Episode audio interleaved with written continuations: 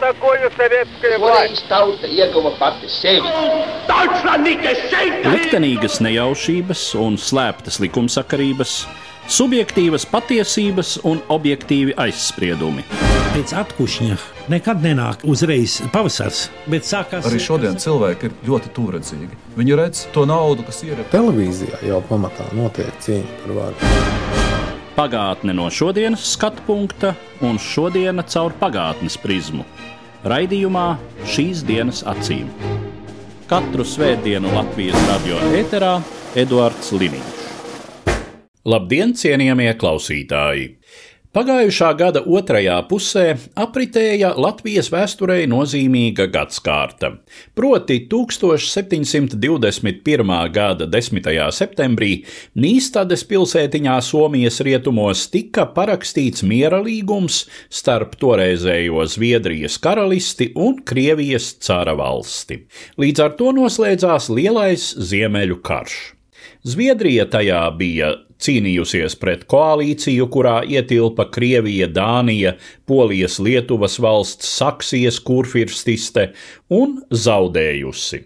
No tā galvenā ieguvēja izrādījās Krievija, jo līdz ar Nīstates līgumu Vidzeme un Rīga nonāca Krievijas impērijas sastāvā, kur palika līdz pat tās sabrukumam 200 gadus vēlāk. Cārs Pēteris I, kurš tieši šajā gadā sāka dēvēties par imperatoru, bija īstenojis savu ambiciozo plānu un viņa paša vārdiem runājot, izcirtis Krievijai logu uz Eiropu. Par lielo ziemeļu karu un tā nozīmi Latvijas liktenī stāsta vēsturnieki Latvijas Universitātes profesors Gvido Straube un Latvijas kara muzeja ieroču un militārās tehnikas nodaļas vadītājs Dainis Poziņš. 18. gadsimta sākās laikam ar samērā būtiskām izmaiņām Austrumēropas telpā. Pētera pirmā lielā ambīcijas bija pietiekoši spēcīgas, tas skatījums uz lietu attīstību bija pietiekoši avantūrisks un pašā laikā arī laikam pamatots, lai attīstītu karadarbību rietumu virzienā. Te gan arī jāpiemina tas, ka Krievija tika provocēta no polijas puses, jo faktiski Polija joprojām laikam nespēja piedot to, ka tā ir zaudējusi Zviedriem, un vidzemes atgūšana bija viena no polijas interesēm, un to jāņem vērā arī augusta stiprā, varbūt diezgan šaubīgās pozīcijas polijas tronī. Un, lai tās kaut kā uzturētu, tad nemitīgi bija varbūt, jāpiedāvā Polijai un pirmkārt jau Sēmam bija jāpiedāvā kaut kādi labumi, kaut kādi jaunie ieguvumi un dabiski, ka karš ar uzvarošām beigām. Ar bijušo teritoriju atgūšanu būtu bijis ļoti labs, tāpēc augusta stiprā, zināmā mērā, provokācijas Krievijas virzienā kopā cīnīties pret Zviedriju. Tās arī dabiski sekmēja Krievijas ambīcijas kopā ar Krieviju un kopā ar Poliju arī tikt galā ar faktiski tā laika Ziemeļa Eiropas, ja Baltijas jūras reģionu lielvalsts Zviedrija gribēja arī Dāniju, kur arī šajā laikā jutās ļoti, ļoti apdalīta un katru mazākā iespēja atriepties Zviedriem par atņemto pirmo vietu Skandināvijā provocējas to. Un tur līdz ar to Nu, laikam tā bija tā veiksmīgā sagadīšanās, ka šie trīs spēki bija gatavi kaut ko darīt ar Zviedriem, un tāpēc arī Krievija, kas varbūt vēl bija ceļā uz, uz modernizāciju, uz atjaunošanos, jutās jau pietiekoši spēcīgi, lai varētu iesaistīties šajās cīņās. Nemaz svarīgs ir personu, individu nopelns Lielā Ziemeļa kara izcelšanā, un te jāpiemina mūsējais Johans Reinholds Patkuls, kurš laikam ar savu ģenētiski, jau gēnos ieaudzināto naidu pret zviedriem, jo lielā mērā no zviedriem cieta viņa tēvs, un līdz ar to ģimenei bija šis naids pret zviedriem no 17. gadsimta vidus. Tas sekmē to, ka Patkuls investēja iespējams savus līdzekļus, savu diplomātu. Tā prasme arī varbūt savu kaut kādu harizmu, lai izprovocētu šos divus lielos, jaunos un ambiciozus valdniekus, Augustu Stipro un Pēteru I uzsākt kādas pretdarbības pret Zviedriju. Ja nebūtu viņš, varbūt arī šis karš, tāds kā mēs to pazīstam vēsturē, nebūtu nemaz izcēlējies. Nu, ja mēs skatāmies tīri militāros aspektus, tad uh, tie ir diezgan kompleksi. Šie resursi faktiski visām kara iesaistītajām pusēm bija pietiekami kara darbības vešanai, vairāk vai mazāk sekmīgas kara darbības vešanai. Militārā ziņā un ar lielāku tādu vēsturisko prestižu, protams, bija Zviedrijas karalists un Zviedru karaspēks. Ja mēs runājam par Dāniju un Poliju, lai arī šīs armijas bija netik skaitliski lielas, tās arī vienalga vairāk vai mazāk bija piedalījušās šajos 17. gadsimta beigu karos, un, protams, bija gan taktiskā, gan militārā pieredze. Tie bija salīdzinoši tomēr pretinieki, ar kuriem bija jārēķinās. Arī 17. gadsimta un 18. gadsimta kara nesākās tāpat vien tikai tāpēc, ka kāds valdnieks no rīta pamodās, viņam bija slikts noskaņojums, viņš izdomāja, ka mēs tagad karosim. Nē. Jebkuram karam karojošās puses gatavojās, veica izlūkošanu, te neapšaubām ir, manuprāt, arī no militārā viedokļa ļoti liela nozīme patkulu darbībai Latvijā, jo viņš uzņemoties savu iniciatīvu, faktiski apgādāja Krievijas cāru ar informāciju, kuru tas vēlējās dzirdēt. Solot, ka ir šeit šis predzviedru noskaņojums, kad ir labvēlīga augsne Krievijas valstī paplašināties. Ja mēs runājam par tīri ekonomisko potenciālu, Zviedrija bija spēcīga valsts, spēcīgāk neapšaubām par tā laika Poliju un Dāniju. Bet, ja mēs ņemam resursus kopumā, dzīvā spēka resursus, teritoriju, pārtikas rezervus, tad neapšaubām Pēterim I bija pamatīgs trumpis viņa plašās valsts iekšzemes teritorijas un dzīvā spēka resursi. Galvas naudas maksātāju skaita ziņā Krievijas valstī tobrīd pāri pa 5 miljonu vīriešu, kas maksāja galvas naudu un ir apmēram 14 miljoni iedzīvotāji. Zviedrijas mobilizācijas rezervus apmēram 2 miljoni cilvēku. Otrām kārtām visi šie trīs valdnieki bija salīdzinoši nesen savos amatos un bija ar zināmām ambīcijām. Un Kārlim 12. atšķirībā no Augusta un Pētera 1. nācās improvizēt, jo šo karu atšķirībā no daudzām citām reizēm nesāk Zviedrija reālo militāro kardarbību. 1699. gadā Preobeženskas ciemā tika izveidota pret Zviedriju vērsta koalīcija, un koalīcijas partneri Pēters I Augusts 2. vienojās, ka kara darbību bez kara pieteikšanas sāks Augusts 2. Un kara darbības sākuma periodā galvenais uzbrukuma mērķis būs Rīga. Un Augusts 2. kā Saksijas kurfirs faktiski balstījās uz Saksijas resursiem. Tātad mēs arī šeit runājam par šo sakšu karaspēku un sakšu armijas virsnieki, konkrēti ģenerālleitnants Flemings sastādīja kara darbības plānu, kad jāmēģina pārsteigt Rīgas zviedru garnizonu, sagatavot speciālu kolonnu un izmantojot to, ka tur Vaslāva dienā, februāra vidū ir Rīgā liela svinības, ka garnizons nebūs kaujas gatavībā, vienkārši mēģināt piekļūt Rīgai un veikt pārsteigumu uzbrukumu. Šis sākotnējais sakšu plāns neizdevās.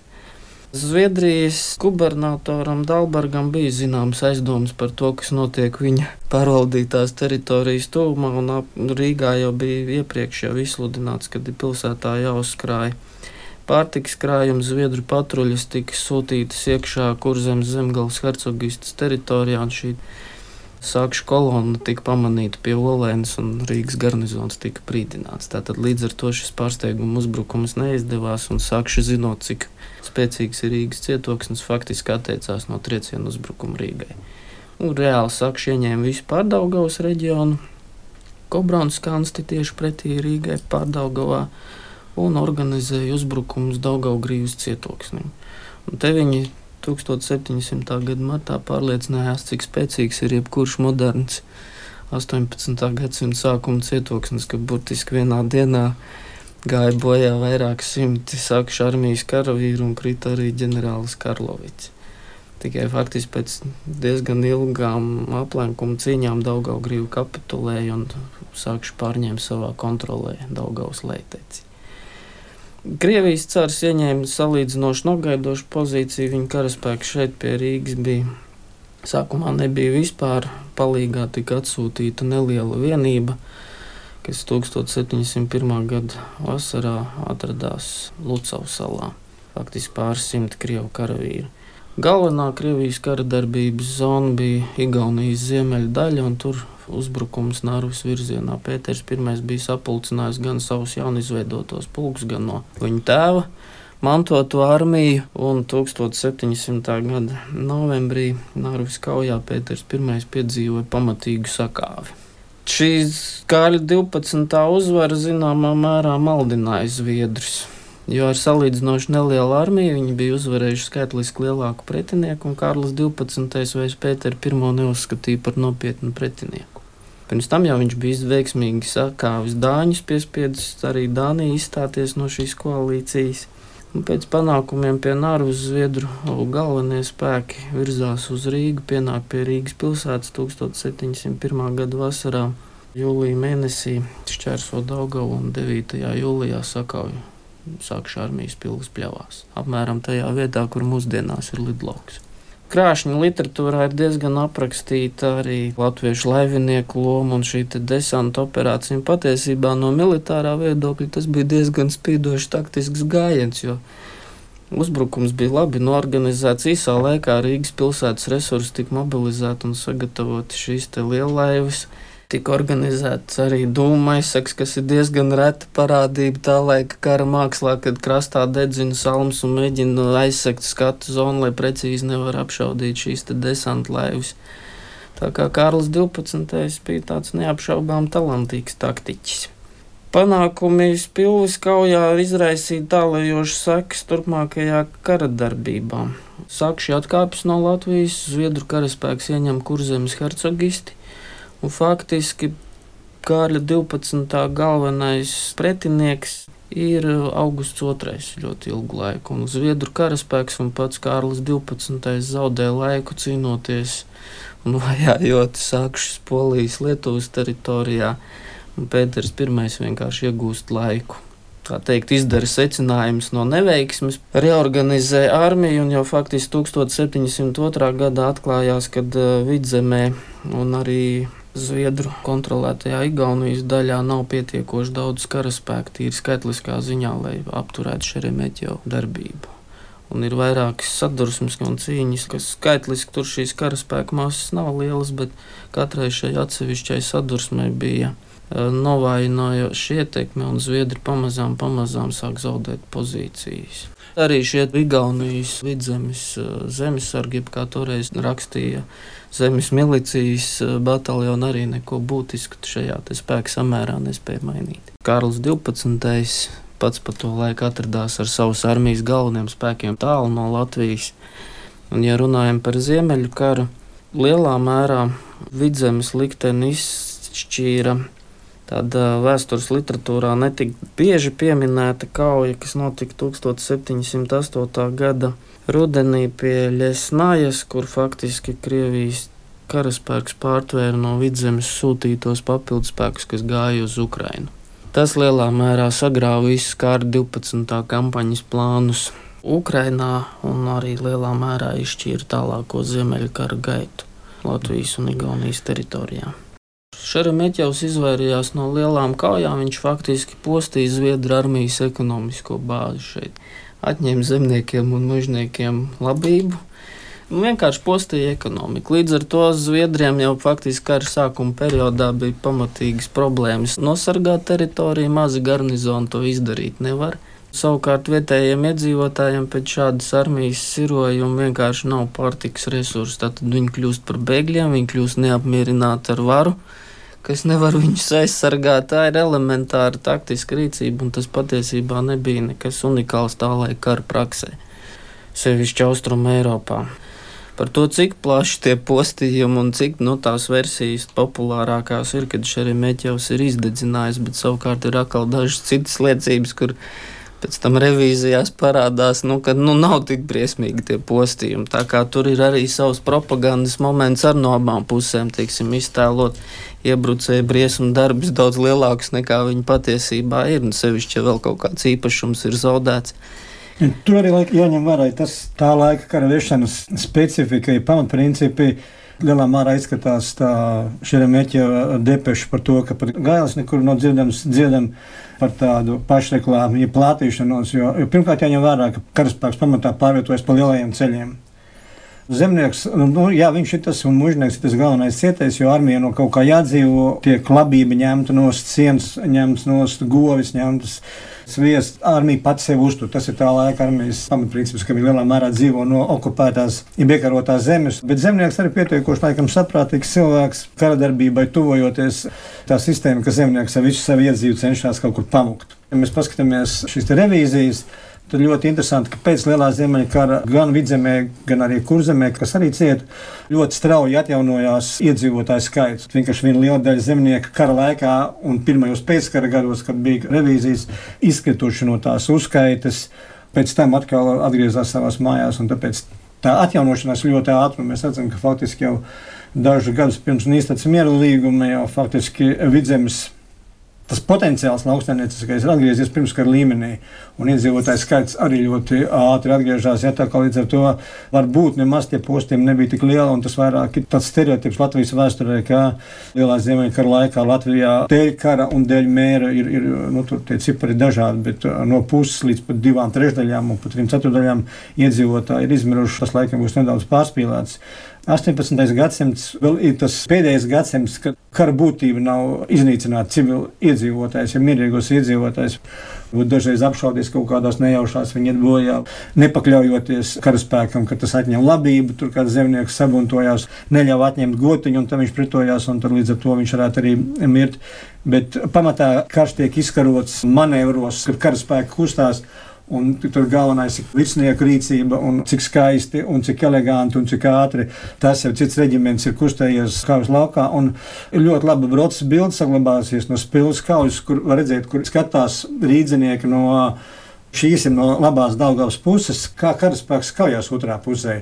Un šādas bildes par kaujām 17. un 18. gadsimtā ir, ir, ir ļoti daudz tā trakākā lieta, kas ir lielam ziemeļkaram, un kas nāk patiesībā visiem kariem līdz pat 19. gadsimta sākumam, līdz, kas ir mērs. Un tieši mērs, kas seko lielajam ziemeļkaram, tas ir tas nežēlīgākais, kas faktiski izdarīja vislielākos postījumus tieši mēra laikā visbiežāk, un to mēs zinām jau no Bukačo dekamerona, visbiežāk mirst tieši pilsētnieki. Paskatāmies pat no mācītājiem, jā, Rīgā pēc lielā ziemeļkara tikai viens palicis, un tas pats faktiski tūlīt arī nomirst, tik līdz miers ir iestājies. Kara pavadonis vienmēr bija bats un mēris un slimības. Tas faktiski nodarīja lielāku zaudējumu pat karojošām armijām nekā pati kara darbība.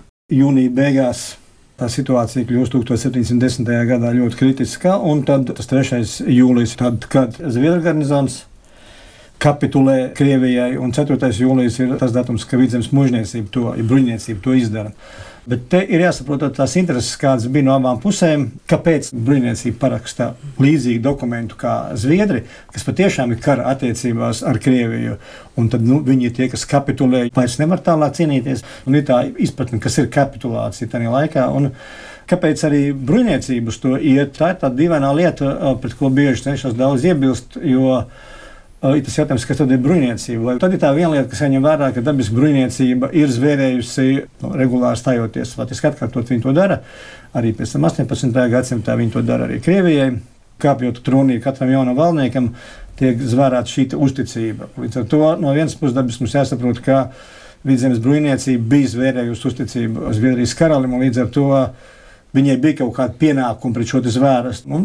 Tā varbūt ir šodien grūtāk saprotama lieta, šī goda lieta, zvērsta lieta, ja, bet tā laikā aristokrātijā šī izpratne par goda vārdu, par zvērsta pildīšanas obligātiem nosacījumiem līdz pat izvēlei nāvei, tam ir specifiska nozīme. Tā ir viena lieta. Otra lieta, kas jāņem vērā, ir tā, ka dabiski šeit desmitajā gadā bruņniecība saprata, ka viņa ir smagas izvēles priekšā, un vidzeme ir sakauta, un tūlītās arī Rīga padosies Krievijai, un līdz ar to ir jāmeklē kaut kādi jauni risinājumi Acīm redzot, jau gadsimtos tomēr brīvniecībā bija izstrādājusies kaut kāda sapratne, cik tālu var riskēt un kurā momentā ir jādomā par savu izdzīvošanu. Tāpat arī nu, mums tas stereotips, ne jā, mūžīgi sliktais, ļaunais vācu baltietis, bet jāsaprot tomēr, ka šeit vācu baltieši dzīvo šajā teritorijā jau viena liela daļa dzimtu kopš 13. gadsimta. Viņiem tā izpratne par dzimteni, par tēviju ir varbūt krietni savādāk nekā šodienas migrantiem, kas Latvijā varbūt dzīvo tikai 5, varbūt 6 gadu desmit vācbaltiešiem brīvniecībai. Šī izpratne bija krietni savādāka, un viņiem bija arī pienākums sajūta pret savu zemi. Un, ja mēs paskatāmies tos akordu punktus, kas bieži arī padomu historiografijā tiek traktēti kā rūpes tikai par savu kārtu, tad tā, paldies Dievam, nemaz nav. Jo akordu punktos regulāri bruņniecība uzsver, ka tās ir arī viņu rūpes par visas teritorijas iedzīvotājiem. Tas ir tāds savu veidu, tas patriarchālisms 18. gadsimtā, bet kurā gadījumā šī apziņa tomēr bruņniecībai bija domāta par visiem iedzīvotājiem. Pretējā lieta ir, kādas bija Krievijas ambīcijas un intereses, un dabiski Pēterim pirmajam svarīgi bija ne tikai iegūt šīs teritorijas, bet šīs teritorijas iegūt ar kaut kādām garantijām. Un te vajag atcerēties atkal to pašu slimu no patkulu vismaz viņam piedēvēja to, ka viņš bija panācis šo vienošanos, ka kara noslēgumā, kad zviedri tiek sakauti, vidzeme aiziet pie Polijas. Tas bija nu, lielā mērā patkula nopelns, ko viņš bija garantējis sākotnēji. Augustam otrajam stiprajam, un pēc tam arī faktiski bija arī šo ideju iedevis Pēterim pirmajam. Un tagad, 1710. gadā, Pēterim vajadzēja šo lietu apiet likumīgi, un līdz ar to viņam vajadzēja panākt, ka vidzemes bruņniecība padodas labprātīgi viņam. Un tad šie akordu punkti, kapitulācija, kas ir ne tikai no Zviedriem, bet arī no vidzemes bruņniecības, bija tas, varētu teikt, politiskais solis, ap šī lieliski izspēlētā kārtas. Krievija iegūst, varētu teikt, morāls un, laikam, arī varētu teikt, juridiskas tiesības uz vidzemi, jo paši vidzemes iedzīvotāji padodas viņam. Šī kapitulācijas punkta dabiski deva tiesības, kuras, nu, varētu pateikt, lielā mērā diezgan, diezgan sekmīgi Baltijas bruņniecību nosargāja līdz pat Pirmajam pasaules karam. Līdz ar vidzemes nonākšanu Krievijas impērijas sastāvā beidzās Zviedrijas varas gadsimts vidzemē un Rīgā. Latviešu nācijas vēsturiskajā mitoloģijā tā sauktie zviedru laiki ieguvuši samērā pozitīvu iekrāsojumu, salīdzinot ar vēlākajiem Krievijas varas gadsimtiem.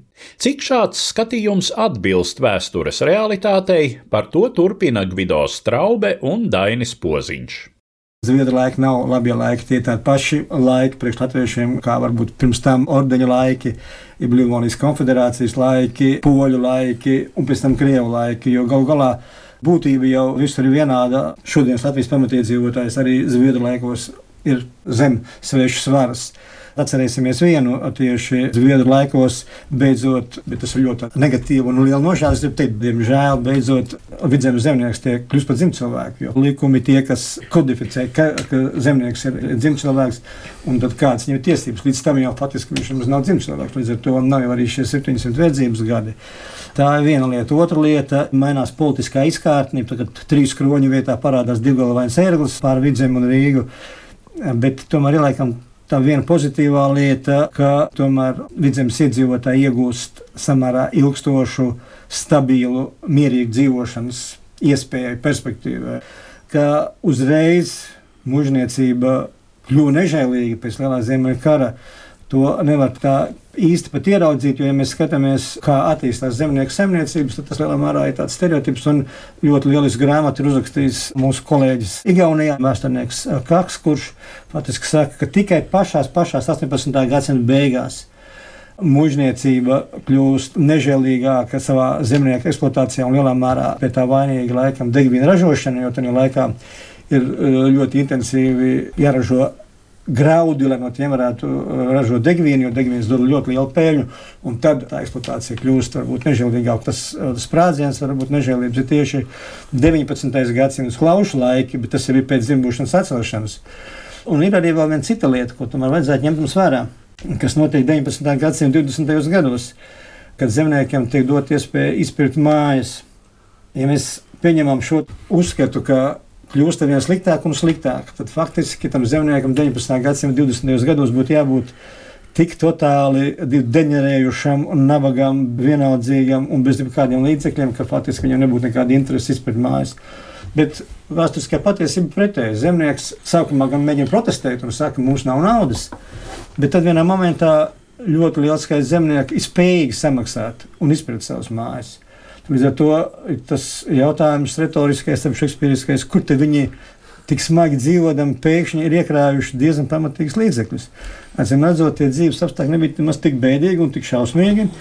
Ir tomēr arī jāsaprot, ka mužnieks ir cilvēks, un viņš tomēr nav tas klasiskais vērturs. Tā ir tā varbūt tā sliktā lieta, ka vēsturē parasti mēs zinām tos, nu, teiksim, perversos mužniekus Un tie ir viens, divi, trīs perversi cilvēki, noziedznieki dzīvo arī šodien. Jā, tā pašā laikā mužniecības lielākā daļa bija ļoti normāli cilvēki, un diez vai viņi dzīvoja bez rītdienas perspektīvas. Man gribētu skatīties varbūt nedaudz humānāk uz šo humāno gadsimtu.